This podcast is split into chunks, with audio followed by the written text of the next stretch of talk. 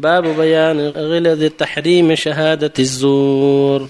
قال الله تعالى واجتنبوا قول الزور. وقال تعالى ولا تقف ما ليس لك به علم. وقال تعالى ما يلفظ من قول إلا لديه رقيب عتيد. وقال تعالى إن ربك لبالمرصاد. وقال تعالى والذين لا يشهدون الزور.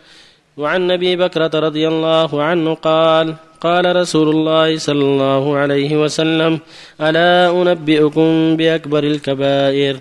قلنا بلى يا رسول الله. قال الإشراك بالله وعقوق الوالدين وكان متكئا فجلس فقال ألا وقول الزور؟ فما زال يكررها حتى قلنا ليته سكت متفق عليه. باب تحريم لعن إنسان بعينه أو دابة.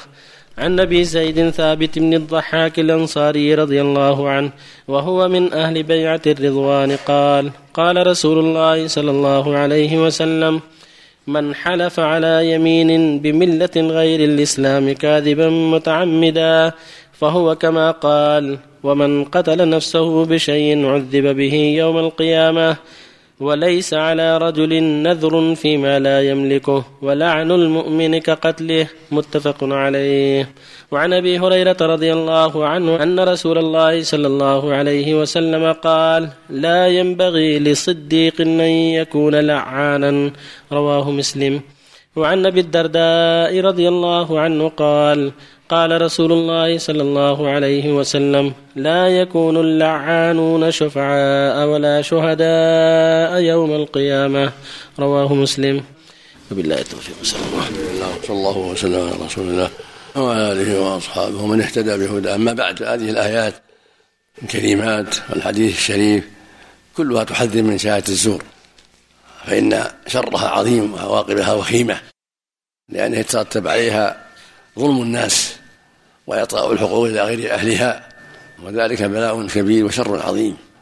والله أجب على عباده الإنصاف وإيصال الحق إلى مستحقه وحرم عليهم الظلم في القول والعمل وشاهد الزور مقبح الظلم ومن أسباب شر كثير ولهذا حرم الله ذلك. فقال سبحانه وتعالى فاجتنبوا الرجس من الأوثان واجتنبوا قول الزور. فجعل قرين الشرك. فاجتنبوا الرجس من الأوثان واجتنبوا قول الزور. حنفاء لله غير مشركين به. قال تعالى والذين لا يشهدون الزور. فسرت الآية معنى لا يشهدون شهادة الزور. فسرت الآية بأنهم لا يحضرون الزور يعني المحرم لا يحضرون المعاصي مجالس الشر. وإذا مروا باللغو مروا كراما. قال جل وعلا ما يلفظ من قول إلا لديه رقيب عتيد فليحذر المؤمن أن يتلفظ بشهادة باطلة. فالله جل وعلا قد وكل به من يحفظها عليه. وقال سبحانه ولا تقف ما ليس به إن السمع والبصر والفؤاد كل أولئك كان له مسؤولا الله يقول جل وعلا إن ربك لبالمرصاد. لا يغيب عنه شيء. بل كل شيء محفوظ. كل شيء يطلع عليه ويعلمه ولا تخفى على الخافي جل وعلا. فالعاقل يحذر مغبة ظلمه بشهادة الزور. والله جل وعلا أوجب العدل بين المسلمين. قال تعالى يا أيها الذين آمنوا كونوا قوامين بالقسط شهداء لله ولو على أنفسكم. بالعدل.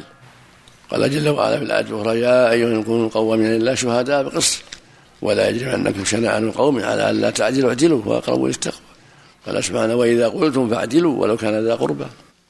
وفي الصحيحين من حديث بكر من حديث أبي بكر الثقفي رضي الله عنه أن النبي صلى الله عليه وسلم قال ألا أنبئكم بأكبر الكبائر؟ كررها ثلاثا. قلنا بلى يا رسول الله. قال الإشراك بالله فبدأ به لأن الشرك أعظم الذنوب وأخطرها على الإطلاق. قال ثم عقول الوالدين ثم شهادة الزور. قال ألا ويقول الزور؟ ألا وشهادة الزور؟ فما زال يكررها حتى قلنا ليته سكت اتفقاء عليه لكثرة ما كرر. يعني رفقا به وشفقت عليه مما كرر التحذير من شهادة الزور. فشهادة الزور والأيمان الفاجرة كلها شر عظيم وفساد كبير فيجب الحذر من ذلك. كذلك الأحاديث في تحريم العين المؤمن يجب لعنه بغير حق. السب شر عظيم. ولهذا قال صلى الله عليه وسلم سباب الموسى فسوق السباب فسوق مسابة. قال لعنه منك قتله.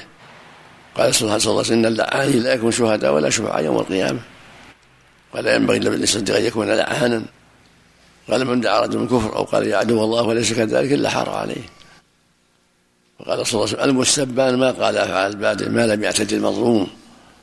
فهذا اللسان شره عظيم فالواجب الحذر. الواجب إمساكه وصيانته حتى لا تقول إلا خيرا. كما قال عليه الصلاة والسلام من كان يؤمن بالله واليوم الآخر فليقل خيرا أو ليصمت. نسأل الله لجميع التوفيق ولا حول ولا قوة إلا بالله. من لعن غضبا لله لعن معينا متأول. لا لا يلعن لا يلعن المؤمن ولكن يدعوه إلى الخير يدعوه ينصحه يوجهه إلى الخير. أما لعن الكفار لا بأس على العموم لعن الله اليهود النصارى لعن الله الفاسقين لعن الله الظالمين لعن الله السارق هذا على العموم أو غير معين لا بأس. لكن قد يلعن معين إذا دعت الحاجة إليه لكونه من رؤوس الكفار ومن الظالمين للناس فقد لعن النبي جماعة من قريش قبل صلح الحديبية وبعدها. لما صار شرهم أعظم مثل أبي لهب مثل عتبة بن ربيعة أبو جهل بن هشام وأشباههم لشدة كفرهم وظلمهم للناس. وإلا فالأغلب والسنة عدم اللعنه مهما أمكن. ولما قيل له يا رسول الله إن دوسا عتت فادعو الله عليهم. قال اللهم اهد دوسا وات بهم.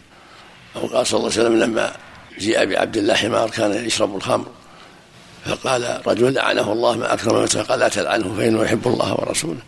قد يكون عاصي وعند محبة لله يدعى له بالهدايه والتوبة. الشيطان يغلب والهوى يغلب ولا حول ولا قوة إلا بالله. نعم. هذا السؤال يسأل فيه السائل يقول ما حكم قراءة القصص البوليسية والألغاز؟ ما أعرف. أو لا أعرف القصص البوليسية أقول لا أعرفها. واللغز للامتحان. اللغز يؤتى بكلام ظاهره خلاف باطنه للامتحان. وهو كلام معيب اللغز لا ينبغي خطاب الناس إلا عند الامتحان. مراد احتباء يعني امتحان الشخص أو الطالب. عند من باب الامتحان ومن باب الاختبار.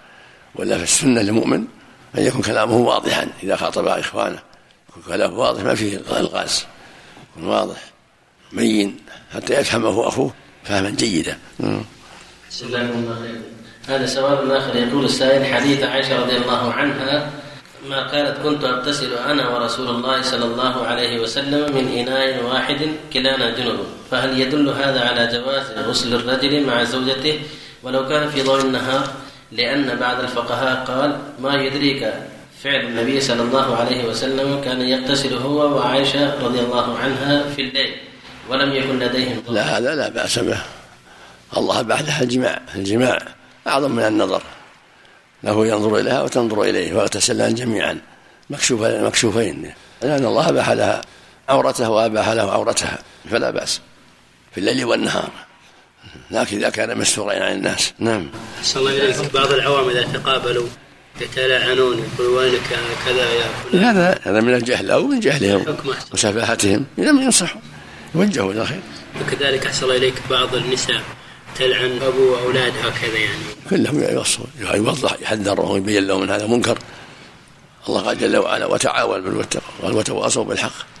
قال من رأى منكم منكرا فليغير منه لابد يوصي أهله ويوصي جيرانه ويوصي جلساءه بالخير. أحسن الله الله إليك حديث عائشة أن النبي صلى الله عليه وسلم قبل بعض نسائه ثم خرج إلى الصلاة ولم يتوضأ. صحيح؟ نعم جيد رواه أحمد بن جيد. قال أحمد حدنا وكيع عن هشام بن عروة عن أبي عن عائشة سند على شرط الصحيح. ورواه النسائي فيه في انقطاع لكن شاهد لهذا. أحسن الله إليك مسجد به قبر ومعروف أنه به قبر وإمام المسجد بيقول أنه ليس به قبر وأنه بحث عن صاحب القبر فلم يجد إلا لا لا, لا يصلى فيه. إذا كان القبر حتى ينبش. إذا كان القبر الاخير ينبش القبر. ومن كان المسجد يهدم. الجديد منهم هو اللي يزال. إذا كان الجديد القبر ينبش ويزال وإن كان الجديد المسجد يهدم. هو يقول ما فيش قبر. ما يزال إذا كان ما فيش يزال. جزاك الله